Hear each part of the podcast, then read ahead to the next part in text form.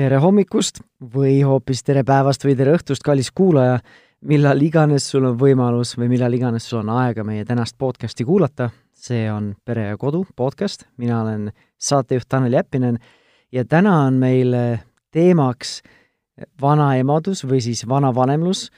minul isiklikult sellega väga palju isiklikku kogemust ei ole, sest ma ei ole ei, ei vanaema, mida ma ilmselt ei saagi olla, aga ei ole ka veel vanaisa.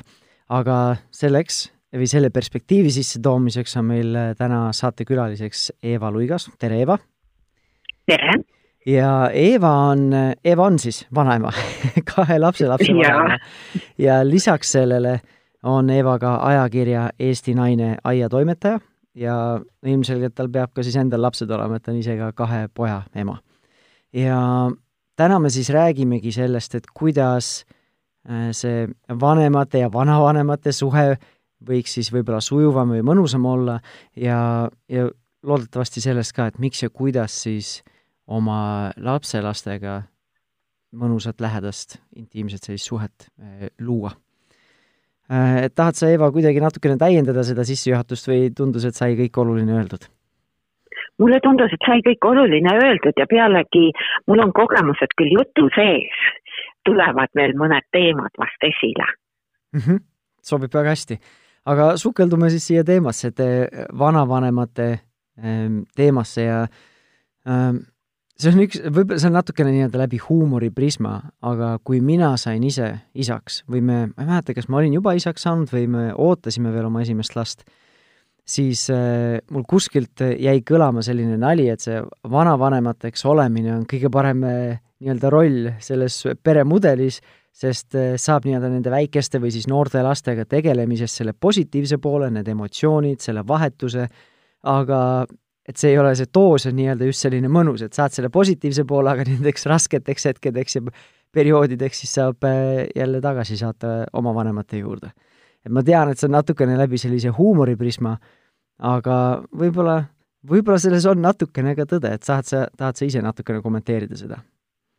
Ja ma võin kommenteerida isegi väga, sest noh, mul on nüüd mõlemad äh, noh, positsioonid nagu läbitud, eks ole, või need stardipakud, et ma olen saanud emaks ja ma olen saanud vanaemaks ja ja noh, alustuseks ütlen, et, et see, see on rohkem tõsi, kui sa siin oma väites ütlesid, et noh, natukene nali või nii, et see on ikka päriselt üldjuhul nii.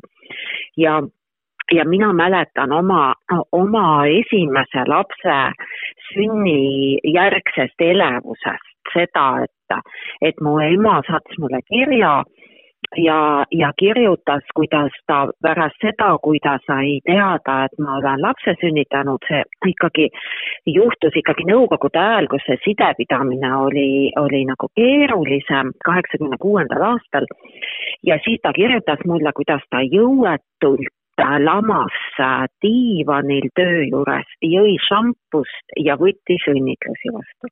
ja mina mõtlesin, et no mida paganat sul seal nüüd jõuetu olla.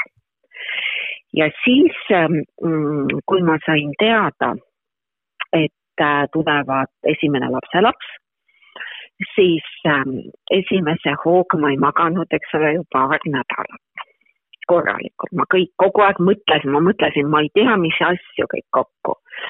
ja kuna minul äh, õnnestus ka see, et ma viisin oma poja ja mini ja siis ka sünnitusmajja sünnitama, siis ma ütlen ausalt, et kui tegemist oleks olnud minu tütrega, ma oleks küünte ja hammastega nähtavasti mööda seda seina üles roninud, sealt välisseina ja ega ma tegelikult ise ka öösel ei maganud, et see emotsioon on hästi positiivne.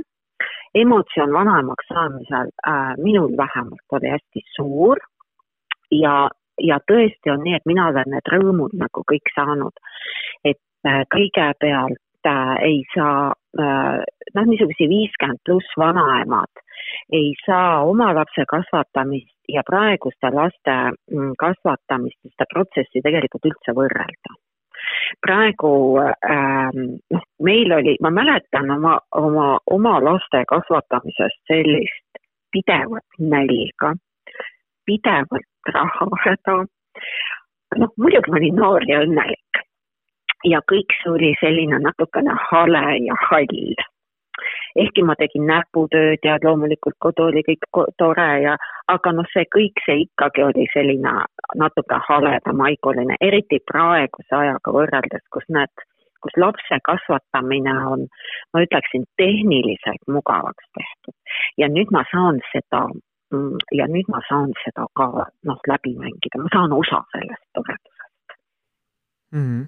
väga huvitav perspektiiv. no nendest moodsatest titekärudest ja ja, ja nendest kandetoolidest, eks ole ju, ja mingitest mähkmetest, mis ei lase läbi ja ilusatest riietest ja pesumasinaga titepesu pesemisest. noh, no see tundub niisugune pisiasi ei no asjad, mida meie võtame iseenesestmõistetavalt mm, -hmm. sest meie ei ole seda Just. teist poolt ise oma nahal kogenud, võib-olla kuskilt filmist näinud ja lugudest kuulnud, on ju. ja, jah, et ja mul ei olegi vaja kellelegi neid noh, neid ütleme, neid haledaid lugusid rääkida, ma ei istu kuskil nurgas ega, ega räägi pidevalt, kui õudne või kui raske või meil midagi ei olnud. ma lihtsalt naudin neid uusi võimalusi mm. -hmm. aga üks hästi vahva perspektiiv, mis sa sisse tõid, on äh, sama, mida mina olen kogenud just isa perspektiivist.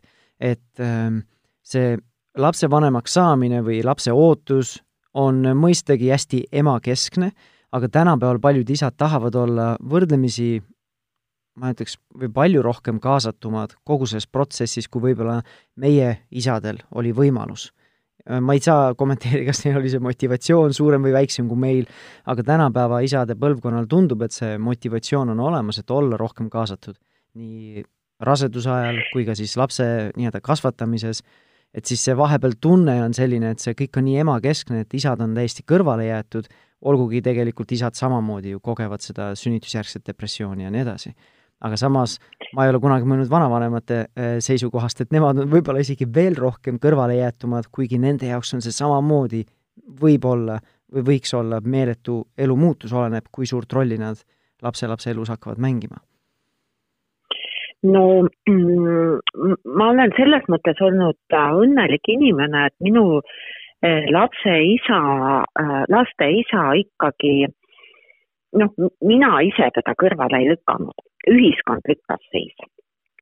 ja, ja olid äh, mingid naiste asjad ja ega see ei ole äh, pa, äh, väga paljude inimeste mõttemaailmast ju praegugi kadunud et on olemas mingi naiste asi, mida naised ise on sajandeid ajanud, eks, ja, ja see on just nüüd ju tegelikult tõusnud päevakorda, kui ühiskond natukene lühenes kaheks, kui tuli uudis seoses praeguse koroonakriisiga, et naised peavad minema sünnitama üksi.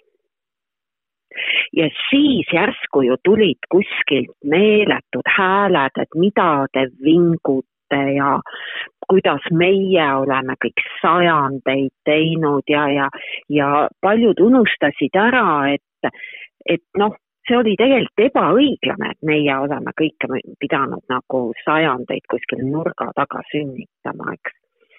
ja, ja eks ähm, mehed on, mina, mina kuidagi usun inimestesse, et sa ikkagi teed lapse armastusest ja ma olen täiesti veendunud, et ka, et ka noh, nii-öelda omavahel olles eh, võtsid eh, isad eh, sellest lapseootusprotsessist rohkem osa, kui seda ühiskond nagu peegeldas.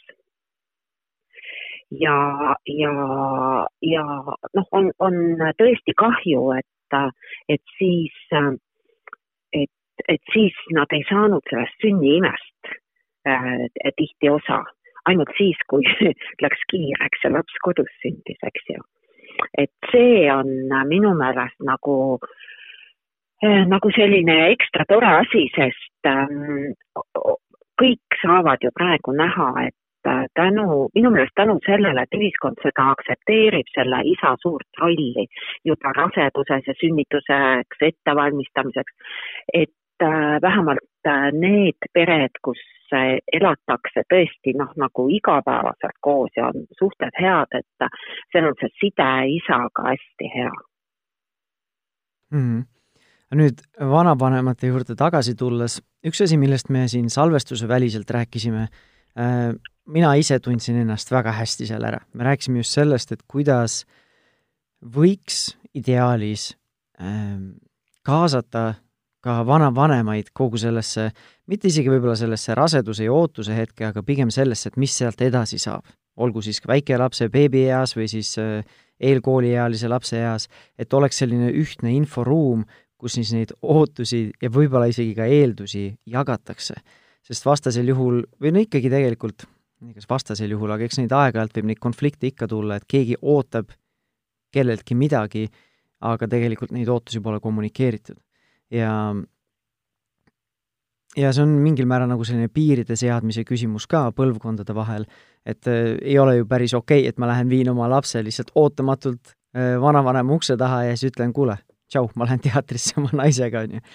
et äh, tahad sa natukene seda mõtet laiendada, sest see, millest sa rääkisid siin salvestuse vahel, oli väga selline äh, hea mõte, millele mõelda kõigidel nendel vanematel, kes juba on vanemad, aga ka need, kes praegu siis ootavad ja ma äh,, ma kohe ütlen, et ma päris vanavanemana ise ei ole äh, sellist äh, noh, ootuste konflikti no nüüd nagu väga otseselt tundnud, et ega ma ju ei tea ka äh, lõpuni.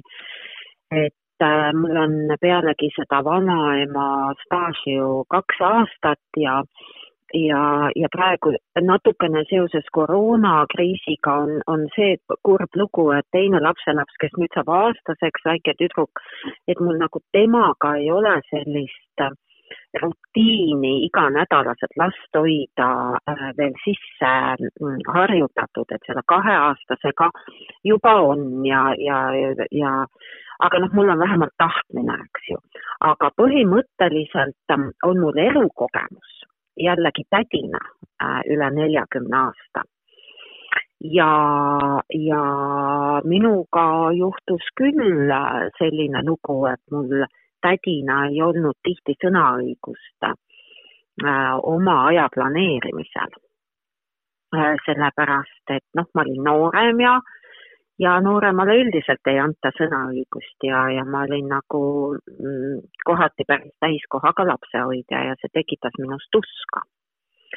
Äh, just see, et, et minuga ei arvestatud ja, ja mul olid siis endal ka tegelikult kiired ajad ja keskkooli lõpp ja, ja, ja ega seda, ega seda rahulikku aega mul nagu Äh, lõpueksamiteks valmistuda äh, väga ei olnud, aga, aga neid lõpphindeid, äh, noh, neid võeti küll kangesti nagu siis võrrelda. ja, ja võib-olla lugedes, ma olen tegelikult ka Pere ja Kodu lugeja, sest et, et ajakiri on ikkagi, ajakirja toimetus on, on väga lähedal. et nendest lugudest on välja koorunud see, et inimesed tegelikult paljudes noortes peredes on selline kerge suurem või vähemal määral teinekord kibestumus vanavanemate suhtes, et nad ei taha hoida ja, ja et nad peavad lapselapsi nagu segajateks ja, ja ei ole ikkagi nii abivalmid. ja siis ma nagu juurdlesin selle üle, et miks see nii on ja ma, ma omast arust nagu isegi mõtlesin välja, et, et kui praegu räägitakse äh, sellest pere planeerimisest, et sa noh, mitte lihtsalt ei jää rasedaks nagu, nagu omal ajal, kui, kui noh, see oligi nagu noh, pehmelt öeldes nagu ehku peale ja ma ei hakka nüüd siin tutvustama kõiki neid rasedusest hoidumise nippe vanasti, aga, aga nüüd, kui pereplaneerimine on, on üsna mugavaks tehtud ja ehkki see kõik sajaprotsendilist kindlust ei anna, siis noh, üheksakümne protsendi ulatuses sa saad ikkagi, ikkagi planeerida, et millal sa sünnitad ja kui palju sa sünnitad ja ei ole patka mõelda nüüd äh, nagu materiaalse toimetuleku peale. Et eriti sellel juhul, kui elustiil on selline, et oleks võib-olla nagu rohkem tuge vaja. ehk siis inimesed ei katkesta oma töötamist või, või teisel juhul, kui tahetakse mitu-mitu last järjest võib-olla sünnitada, et see väikeste lastega kodus olemine on ikkagi hästi või nende kasvatamine on hästi keeruline ja et kui loodetakse pereringis laiemalt selle hoidmise peale, mis on ju loogiline, siis võiks planeerimisse võib-olla ka lülitada vanavanemad lihtsalt äh, mitte nüüd nii, et, äh, et no lihtsalt, äh, eks see vanavanematel nõuab ka harjumist võib-olla. et meie vanavanemad, praegused vanavanemad ei ole enam need, kes nad noh, siis olid, kui, ähm, kui need sün-, praegused sünnitamisealised oma lapsepõlvest vana, vanavanemaid mäletavad. et noh, mina, kui ma mõtlen oma kadunud ämma peale, ta oli sama vana kui mina praegu, kui me tutvusime. ta oli vana inimene. ta oli tõsiselt, ta oli kohe vana inimene. siis mina arvan, et mina ei ole. ja väga paljud ei ole ja me oleme väga tegusad. Ja, ja me peame ka saama aega võib-olla oma elustiilis muudatusi teha, oma tahtmistes muudatusi teha ja teiseks on paljudel vanavanematel sellised asjad, mida, mida jälle minu põlvkonna vanaemadel ei olnud, ehk siis majanduslikud äh, koormised, laenud äh,, liisingud äh,, mille, mille teenindamiseks on vaja ka võib-olla keskmisest rohkem tööd teha. Et see, see ootuste ja lootuste nagu klapitamine kes kui palju pere, peres äh, nagu koormust enda kanda võtab. et mida vare, varakumalt sellega tegeleda, seda positiivsemad on, ma arvan, tulemused. vot niisugune pikk jutt tuli no sellest räägitakse palju, et tänapäeva vanavanemate põlvkond on oluliselt teistsugune, sest paljud nendest ikka veel töötavad Äh, ja üldse nagu ühiskond on muutunud, et kui mina mäletan enda lapsepõlvest, meenutan oma vanaemasid või vanaisaid, aga eriti just, kui ma mõtlen vanaemate peale, siis äh, ma ei tea, võib-olla lihtsalt väiksena ei näinud neid asju, aga tundus, et et see elu oli natukene võib-olla kuidagi lihtsam. praegu, kui ma vaatan näiteks äh, oma ämma, siis ongi täiskohaga töö, siis äh, pärast tööd tahaks ju lõõgastuda ka, siis on iganädalased kohvikutes käimised oma sõbrannadega, siis on teatris käimised, siis on tantsuringid ja muud huvialaringid ja nii edasi, et et sinna nii-öelda mahutada nüüd üks uus roll, selleks tuleb teha mingeid, ma ei tea, kas ohverdusi on õige sõna, aga mingeid selliseid ümberkabetamisi. et vaadata, kuhu ja kuidas need asjad siis mahutavad, sest see lapse hoidmine ka, kui me räägime näiteks nädalast üks õhtu, üks päev, see nõuab ikkagi ju ajalisi ressursse ja kindlasti ka energiaressursse, mida enamus lapsevanemad teavad. jaa, energiaressursse jah, ja, ja kui sa siin ütlesid, et sulle tundus, et elu oli vanasti lihtsam, siis ta oli, ta oli lihtsam äh, natuke teises tähenduses. mitte selles tähenduses, et, et ta oli kergem. vanasti tegelikult äh, olme nõudis äh, suuremat ajaressurssi ja suuremat pühendumist sa ei saanud poest läbi minnes võtta kaasa täiesti, äh, täiesti korralikult äh, valmistatud ja, ja täitsa maitsvaid poolfabrikaate, ütleme nii. sellist asja, et sa paned sirge seljaga mingi salvesti purgisupi lauale, ei tulnud kõne alla, kes need ei kõlvanud eriti süüa. aga praegu kõlbavad. Ja, ja et see elu oli nagu nagu lihtsakoelisem, et inimesed leppisid vähemaga, ütleme nii. aga kas noh, mind näiteks lapsena juuni alguses võeti kratist kinni ja lihtsalt tõsteti nagu maa vanaema juurde.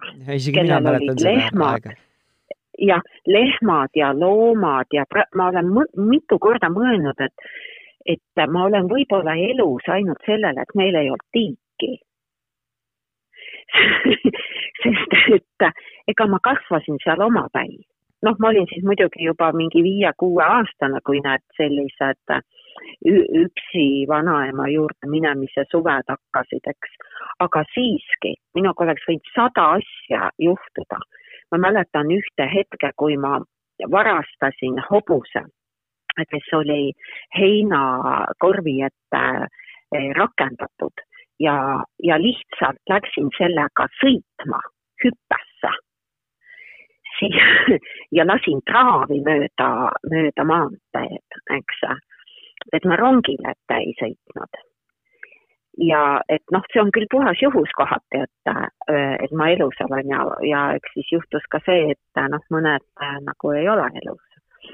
Et, ähm, et tänapäeva elu on jah teine, et mina näiteks ei saa äh, tulla töölt ära, sest et, äh, et mul on äh, pangaga omad suhted mm. -hmm. ja, ja füüsilise koha pealt nii palju, et kui see väike Robin minul päev otsa on, noh, siis ma ütlen ausalt, et ma magan koos temaga lõunal ja pärast olen õhtul täitsa läbi.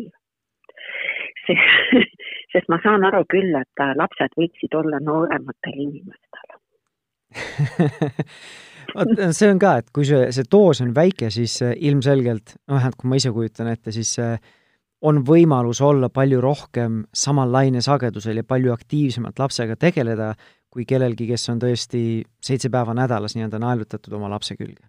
et äh, kui ma ja, saan seda ainult üheks ja. päevaks või pooleks päevaks või paariks-kolmeks tunniks, paar-kolm tundi on nagu oluliselt lihtsam sajaprotsendiliselt olla lapse maailmas, äh, kui, kui seitse päeva nädalas, kakskümmend neli tundi ööpäevas, on ju jaa, aga ma arvan jällegi või noh, ma olen kindel, et see on äh,, siin on küsimus ka harjumises. et äh, kui sa mm, hakkad last iseendaga harjutama, siis äh, alguses ongi hästi raske. ja äh, tõesti ei ole, äh, ei ole noh, eriti meeliülendav teada, et sa lähed kolm kord nädalas kolmeks-neljaks tunniks lapse juurde, kes ei taha sind silma otsast näha, kes nutab, peaaegu sülitab sulle näkku ja et noh, mingi selline võõrastusperiood on, on keeruline tegelikult üle elada. aga see on paratamatu. Ja, ja selle krooniks on lõpuks see, kui see pisikene laps võtab sind nagu omaks. vot tutvumine täiskasvanud inimestega on ju samamoodi et sa alguses kompad neid piire ja, ja, ja sätid nagu mingit Ähm, mingit tundeskaalat ühele lainele ja, ja ei ole lihtne täiskasvanud inimesena nagu kasvõi noh, ütleme nagu uut suhet luua. siis selle lapsega on sama lugu. mida rohkem sa temaga koos oled, seda rohkem te harjute, seda rohkem on, on nurgad äh, nagu maha hööveldatud et laps paneb sind ju tegelikult alati proovile, nagu ka uus inimene paneb sind alati proovile. lapsed on muidugi tohutult kavalad. ja nad panevad iga natukese aja tegelikult proovile, aga noh, samas on see nii armas. ja, ja lõpuks äh, on ju see, et äh, mis ma tahan ka öelda, et see, et ega minu missioon ei ole ainult nagu eh, nagu oma lapse peret selles mõttes kuidagi tohutult altruistlikult aidata. Minu, minu, minu soov on tunduvalt isekam äh, selle lapse, laps, lapse lastega sideme loomises. ma tahan, et ma saaksin neile oma inimeseks. ma tahan, et ma oleksin neile tähtis kunagi. ma tahan, et nad ei tuleks moe pärast minu sünnipäevale silmi pööritades, eks ju, ja et enne seda on neil vanematega sõda et vanaema on juba nii vana ja võib-olla teda järgmisel aastal ei ole ja nüüd me peame alati käima ja noh, ütleme, eks ma olen oma elus neid asju kuulnud. ma tahan eh, minimeerida seda, ma ei saa öelda, et ma, et, et seda kõike saaks vältida. kindlasti lähevad teismelistega suusad risti, no miks ei lähe, ikka lähevad, on mul oma lastega läinud ja ma kujutan ette, et ka lastelastega juhtub uste paugutamist, eks ju. aga, aga kui see aeg ümber saab, siis, et siis äh, ma väga loodan sellisele mõnusale äh, nagu, nagu sidemele nendega. ma arvan, et mul on seda vaja. Mm. rohkem võib-olla alguses kui neil no see on väga inimlik vajadus, just see soojus mm -hmm. ja mhm. lähedus ja nende suhete sügavus. ja üks hästi vahva asi, mis sa ütlesid, mis mulle kõlama jäi ja mida ma paraku, paraku või paratamatult olen ise ka kuulnud, seda suhtumist, et laps peaks oma vanavanemaid armastama, keegi nagu seda sõna, sõna-sõnalt võib-olla välja ei ütle, aga see suhtumine kumab läbi, et lapselaps peaks oma vanavanemaid armastama just pelgalt ainult sellepärast, et need jagavad, ma ei tea, geneetilist koodi. Aga mm -hmm. mis sina välja tõid, see ongi ju tegelikult tõsi, et äh, iga suhte nii-öelda loomisse tuleb panustada aega, ressursse, energiat, tähelepanu, koosolemist ja nii edasi, et leida see ühisosa, mis meid ühendab. ja, ja see, mis sina jagasid, oli hästi vahva selles mõttes, et mina, minul ja minu naisel on olnud, meil on ka olnud väga oluline, et meie lastel oleksid head ja soojad suhted oma vanavanematega, aga ka onude ja tädidega, kes meie nii-öelda esimeses sugulusringis on Äh, mina enda ema kaotasin äh, või ta lahkus meie seast nüüd aasta viimasel päeval, äh, aga näiteks oma ämmaga me oleme teadlikult nagu otsinud viisi, kuidas nad saaksid meie vanema tütrega koos olla, kes nüüd on juba viiene. ja see oli eelmisel sügisel, kui ta oli neljane, ähm, kui ta alguses nagu puksis vastu natukene, et vanaemaga minna ööseks vanema sõbranna juurde, kellel on enda lapselaps sarnases vanuses. ja me ise olime natukene ka ähm, ma ei tea, kas kahe vahel või natukene kõhkleval seisukohal, et vaatame, mis sellest saab. ja see oli nii äge, sest nad olid varem teatris käinud koos ja mõlemal olid hästi meeldinud ja nüüd, kui see meie tütar tuli tagasi vanaemaga sellest ööbi-, ööbimisega nii-öelda pikemast kahekümne nelja tunnisest nii-öelda koosviibimise ajast, siis ta oli vanaemale ka öelnud, enne kui nad nii-öelda lahku läksid või vanaema nagu meie juurde jõudis, et, et see oli hästi vahva, kuna me uuesti lähme sellele sõbrale külla ja siis ma mäletan seda, kuidas ma nägin, et ämm tõesti säras nagu kuusepuuehe seal, et ta oli nagu nii õnnelik, et ta seda kuulis, et et tõesti laps ise tahab minuga tulla, tahab minuga koos aega veeta. et see oli nagu, oli näha, et see, et oli tema jaoks oluline, ta oli sinna energiat ja aega pannud, teatris käinud, kohvikus käinud, külas käinud, last hoidmas käinud, kui meie oleme naisega kontserdil olnud ja siis ta nüüd kuuleb seda lapse suust, mitte läbi meie peegelduse, kui ta on varem öelnud seda, aga lapse suust ise ja see oli tema jaoks nagu, ma ei tea, jõul, ma ei tea, kõige suurem jõulukingitus, sünnipäevakingitus, mis iganes tal olla sai. see on jah, selline asi, et sa ei oska seda nagu oodatagi. aga kui sa järsku näed äh, sellist, äh, tõesti sellist oma initsiatiivi, et ta nagu ronib ise nagu äh, nagu kaisu või mul juhtus viimane kord niimoodi, kui väike Robin oli minu juures ja isa tuli talle järele ja siis ta ei jooksnudki isa juurde kohe, vaid tuli nagu minu kõrvale. ma tundsin, vau, kui lahe see on. ja ma arvan, et tegelikult lapsed vajavad ka mingit, mingit noh, ma ei tea, kas puhkamist oma vanematest.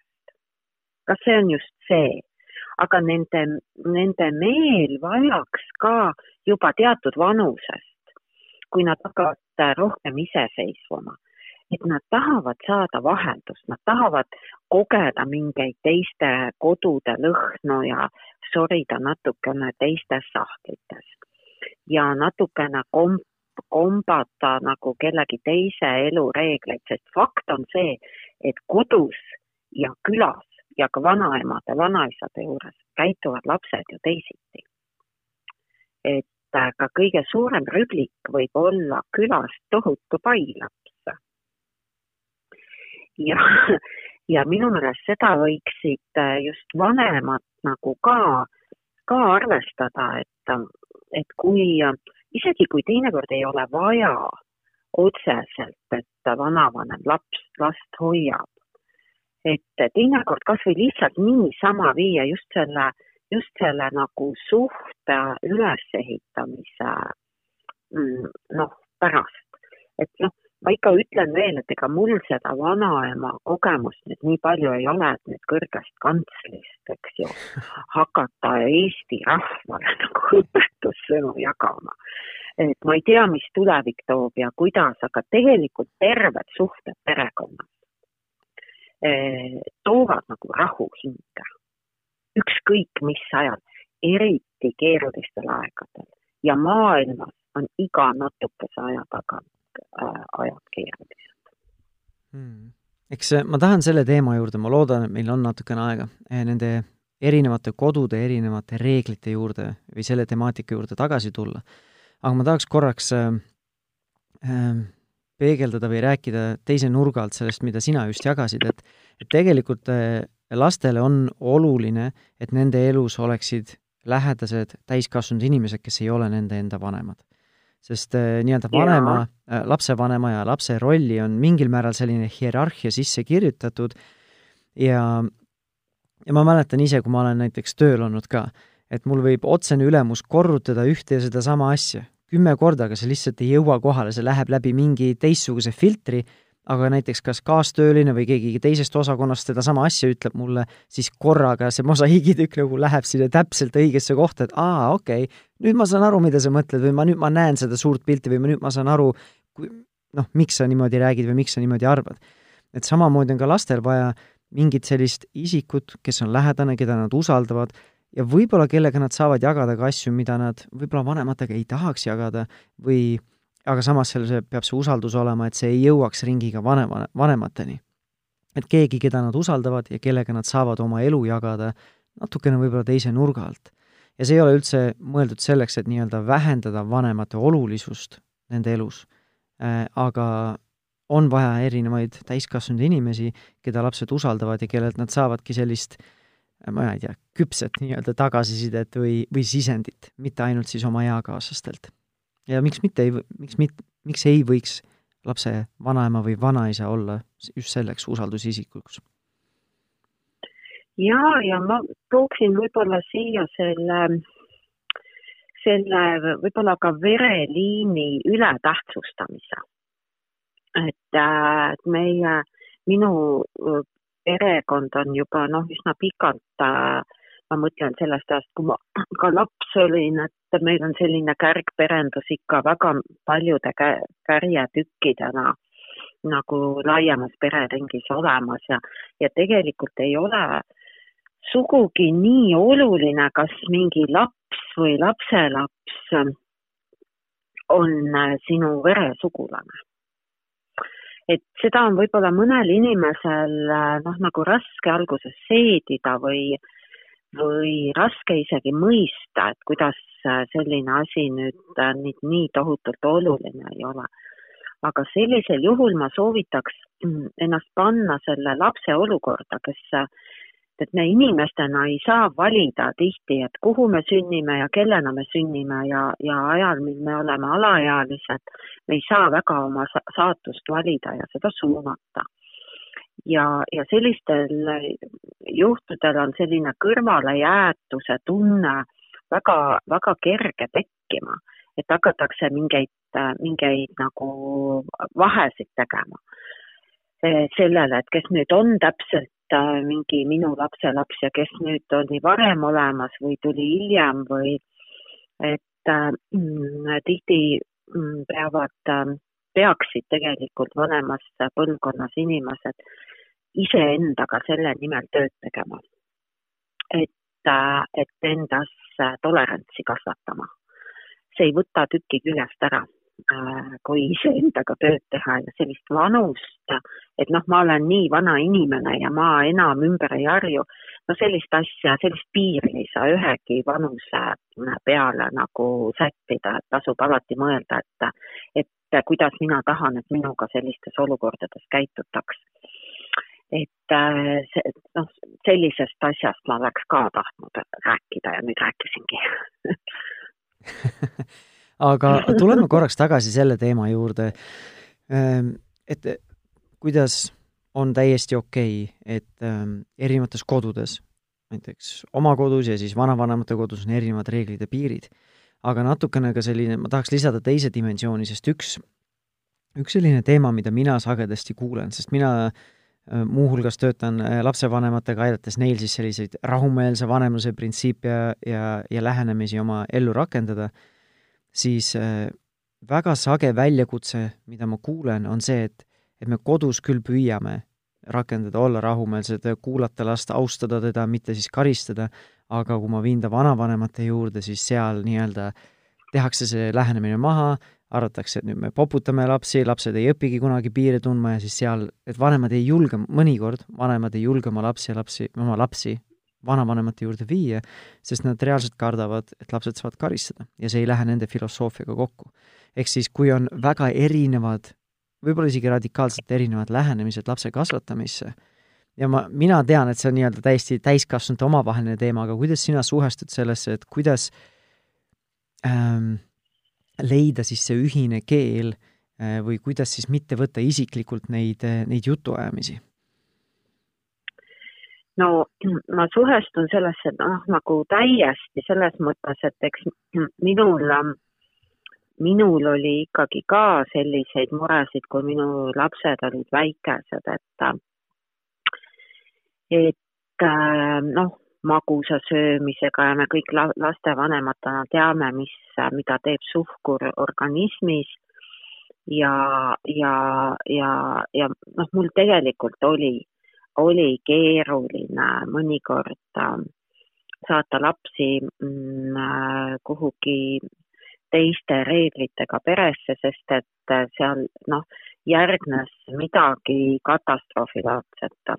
et tihti ongi need nagu toitumisega seotud, käitumisega seotud niisugused kokkupõrked ja arenguga seotud kokkupõrked, et üks asi, eks ju, toitumisega on see, et kas sul on kogu aeg kommikauss laual ja küpsis viltu suus või mõnes peres võib olla noh, radikaalsemaid toitumisharjumusi, eks ju, veganlus või no, superöko ja siis vastupidi, vanavanemate juures midagi sellist ei ole ja ja siis äh, see arenguga seotud on see, et meil omal ajal juba käidi potil ja mitu sõna keegi räägib ja kas tema ikka hakkas juba praegu käima ja meil omal, noh, see kõik on nii õudselt keeruline, et äh, mina olen mõelnud niimoodi, et, et suhelda just noh, nagu noorema põlvkonnaga, mm, tasuks mõelda sellele, et kes tegelikult lapse eest vastutab ja lapse eest äh, põhivastutus on lapsevanematel. järelikult äh, see on nagu töö juures. eks ju, töö juures on ka mingi otsustus äh, nagu, nagu selline jada, et, et sul on mingi ülemus ja siis temal on ülemus ja, ja et on nagu mingid otsustamise piirid olemas ja täpselt samad piirid peaksid olema siis perekonnas. Et kui mingeid asju laps, kui lapse üle käib vaidlus, siis lõppsõna on tema vanematel. noh, nii lihtne see ongi. ja, ja eks tuleb püüda, püüda kuidagi vast äh, ikkagi kokkuleppele saa-, saada. seda, seda on keeruline teha ja mõneski, mõneski ka võimatu ja kõige jubedam on asja juures see, et see lööb kiilu perekonnas, lapse ema ja lapse isa vahele. see võib lüüa kiilu sest küsimus on kellegi vanemates. ja, ja see on asja juures nagu eriti kurb. et siis tasuks täitsa küsida äh, noh, nagu vanavanema käest, et kas sa tahad kiilu lüüa või sa ei taha kiilu lüüa. aga ma ütlen ausalt, ma ei ole hea noh, nõuandja sellistes, need, need ongi kohad, kus võib-olla või noh, kus kindlasti oleks vaja äh, mingi pereterapeudi ja noh, nagu sina ütlesid, kellena sa töötad, et äh, omal ajal vanasti väga selliseid äh, ametiinimesi ei olnud ja ja, kindlasti see oleks nii mõnegi pere võib-olla äh, noh, päästnud või, või aidanud perel nagu sisemist rahu nagu paremini äh, saavutada, et et äh, noh, ja, ja ausalt öeldes ma nüüd, kui ma neid lapselapsi kasvamas näen, siis ma mõtlen, mõnikord ma hoian peast kinni ja mõtlen, et et issand jumal, kui, kui, kui, kui halvasti või kuida-, kui oskamatu laste kasvataja mina olin. et, ähm, et, ähm, et ma praegu seoses nende lastelastega püüan enda, enda, enda, enda tookordset käitumist nagu rehabiliteerida, et ma nagu üldse ei osanud nagu sellesse asjasse süveneda või, või mul oli nagu oma hädase eluga, kus ei olnud raha ja pidev valitses nälg. ma olin nagu nii tohutult hädas ja samal ajal ma veel õppisin ja siis ma pidin veel tööl käima ja, ja kõik see, kõik oli noh, olles ikkagi samal ajal noor ja õnnelik, eks ju. et, et nüüd juba noh, lastelastega selline tegelemine ja, ja noh, mingite ühtsete reeglite järgi nende eest hoolitsemine, noh, anna, aitab ka nagu mind ennast rehabiliteerida, olen ma natuke mm. mõelnud selle peale. aga mul on küll mingid sellised reeglid, mis ma olen öelnud, minu juures neid ei tehta. et mina ei anna lastele limonaadi, ei osta mingeid tohututes kogustes komme ja minu juures süüakse juurvilju. ja seda tehakse mm. -hmm aga noh, see nõuab ka vaata harjutamist väiksest peast ja, ja kuna väiksel Robinil on kodus ikkagi ka väga head söögid, siis, siis on seda lihtsam teha. Et eks näis, kuidas Hannakesega saab, temal on ka praegu ikkagi ka juurviljad ja värgid ja kõik on väga teadlik ja ma, ma nagu äh, teadlikult äh, teadlikult ka noh, siis järginud neid samu reegleid. ja ma ei käi poest mingeid nänni ostmas ja, ja pidevalt nagu, noh, ma püüan ennast muidugi tagasi hoida selles osas. et noh, iga kord ei ole mingi uus kingitus, kui ma lähen või no seda on väga raske saavutada, kui sa, kui sul ikkagi nagu sissetulekut juba on ja toredaid asju müügil ja mm. -hmm. aga noh, suunata nagu lapsi võib-olla loovamatele tegevustele mm aga see on nagu minu põhimõtted. ma arvan, et see on täiesti okei okay,, kui erinevates kodudes on erinevad reeglid, et ühes peres on mingid asjad lubatud, teises ei ole. see on samamoodi mm -hmm. ka nagu minul kodus ma käitun ühtemoodi, töö juures, kui ma käin näiteks kontoris tööl, on natukene teised ootused, teised normid, teised standardid või viisid, kuidas üleval peetakse ja nii edasi. et samamoodi nagu kui praegu selle koroonakriisi valguses, kui paljud töötavad kodust, siis ilmselt nende riietus on natukene mugavam kui võib-olla kontoris töötades on ju, et et see, et ja, erinevates ja. keskkondades on erinevad reeglid, erinevad ootused, see on täiesti tervislik ka lapsel kogeda, aga samas sellistes fundamentaalsetes asjades võiks saada vanavanemad ja vanemad, ma ei tea, kas päris ühele leheküljele, aga vähemalt austada teineteise nägemust või, või viisi. ja see, mida sina jagasid, ma arvan, et see on täiesti, see, see ongi niimoodi, et tänapäeval see laste kasvatamine, selle juures on palju rohkem informatsiooni, meil on palju rohkem endal nii-öelda tähelepanu ja aja ja energiaressurssi sellesse panustada, sest nagu see Maslow hierarhia läheb, et me ei pea võib-olla nii palju muretsema nii-öelda ellujäämise pärast. kust tuleb toit, kuidas me saame oma maksud makstud ja nii edasi et ähm, no maksude pärast on ikka mured suured, ma arvan, praegu. no no jaa, aga siis ongi hästi oluline see pere kokku hoida hästi,. hästi-hästi oluline mm. -hmm. just, et, et sa ei pea seda hakkama häda korral ainult looma, vaid et, et, et ta nagu on ja ma annan endale aru, et teatud, teatud perioodidel, kui su lapsed, eks ole, ju iseseisvuvad ja lendavad kodunt välja, siis vanemad muutuvadki tegelikult mingil hetkel vähem tähtsateks. ja noh, et iga päev nüüd ei helista või, ja ma arvan, et see ongi hea mõned, mõnedel nii ei ole. on inimesed, kes kogu aeg äh, igapäevaselt räägivad oma vanematega, aga minu lapsed küll ja noh, ma kasvatasin neid sellisteks. ja minu eesmärk oli äh, tegelikult kasvatada neid iseseisvateks, aga ma lihtsalt hakkasin sellega liiga vara võib-olla peale aga, aga, aga siis mingil hetkel on jälle väga tore, kui nad ise juba hakkavad ka peret looma, kui hakkavad tänapäeval, eks ju et siis, et, et nad siis lähenevad oma nendele vanematele ja et sul oleks siis see valmisolek nagu see kõik vastu võtta ja, ja on vanavanema asi küll anda pidevalt enda mm, olemasolust teada. lihtsalt vaikselt jälle annad teada, et, et noh, et, et ma võiksin kedagi hoida ja kui öeldakse, et praegu mitte, siis öelda ahah ja mõne aja pärast jälle anda teada. See ei võta tükki küljest.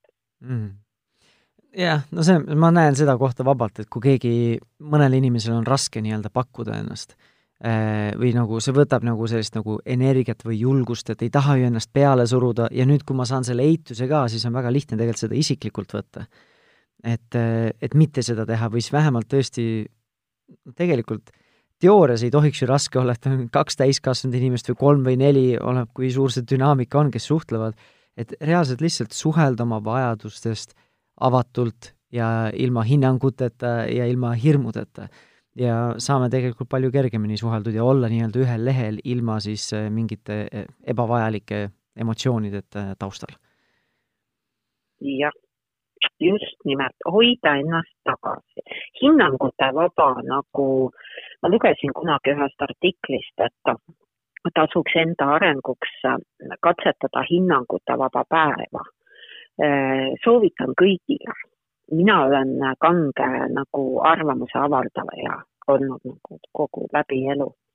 Aga nüüd ma olen küll teadlikult püüdnud, et ma ei anna igale asjale hinnanguid ja ma vaatan seda nagu rahumeelsemalt ja maailm muutub värvilisemaks sellest.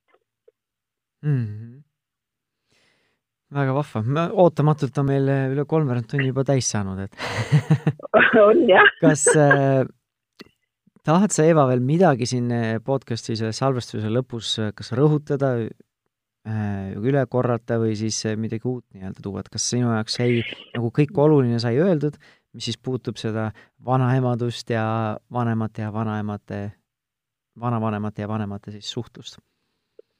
No ma võib-olla tahaks öelda seda, et äh, eksimine on hästi inimlik. Errare humanum est on see lause, mida ma kunagi kirjakunstitunnis pidin laisulega äh, saama korralikult paberile kirjutatud, et eksimine vana, vanemana, lapsena, lapselapsena, vanaemadena, igas eluetapis me tegelikult äh, teeme eksimusi. ja siis kunagi, kui ma vaatasin Margaret Mitchell'i oli vist, kui ma nüüd õigesti räägi-, ütlen, sülest ilmunud raamatut Tuulest viidud filmi, kus Vivian Light mängis peategelast, kes tõstis oma pisarates näo ja ütles, ma ei mõtle sellele täna, ma mõtlen sellele homme, et homme on jälle parem päev, et kui me oleme teinud mingi vea või öelnud ähm, noh, valesti või isegi halvasti või rääkinud teineteisest mööda, siis tegelikult äh, järgmine päev on võimalus, kui mitte juba samal päeval, vigade paranduseks. et äh, see ongi nagu inimese areng, et sa, et sa muutud nagu, muudad ennast nagu paremaks inimeseks ja ka suhetes on võimalik, kui suhted lähevad risti on võimalik ikkagi neid parandada ja on võimalik õppida ka andestamist. et äh, keerulistes olukordades on need oskused olulised. väga elutargad sõnad, aitäh sulle! aitäh! ja aitäh sulle selle aja eest ka, mis sa täna minu ja, ja kuulajate jaoks võtsid. ja, ja kena kevadet kõigile, et äh, tegelikult Eestis on nii tore, saad lastega väljas käia ja ja, ja väljas käituvad kõik lapsed ja lapselapsed poole paremini kui kinnistes tubades. energia on ju kuidagi välja vaja saada jah. aga aitäh sulle veel kord ja aitäh sulle ka, kallis kuulaja. nagu ikka, kui tänane podcast oli sulle meeltmööda, siis äh, meil on nii-öelda arhiivis juba kümneid ja kümneid podcast'e alates paarisuhetest äh, ja selle hoidmisest kui ka siis spetsiifiliste laste kasvatamisega seotud teemadeni ja sa leiad need kõik varasemad ja ka tulevased podcastid nii oma nutitelefoni podcasti rakendusest või äpist, Spotify'st või siis ka Delfi ning Pere ja Kodu veebiväljaandest. ja kui sa oled juba suur podcasti kuulaja, siis kindlasti vaata ka minu nii-öelda sooloprojekti Rahumeelse vanemluse podcast. aga aitäh sulle kuulamast ja järgmise korrani, tšau!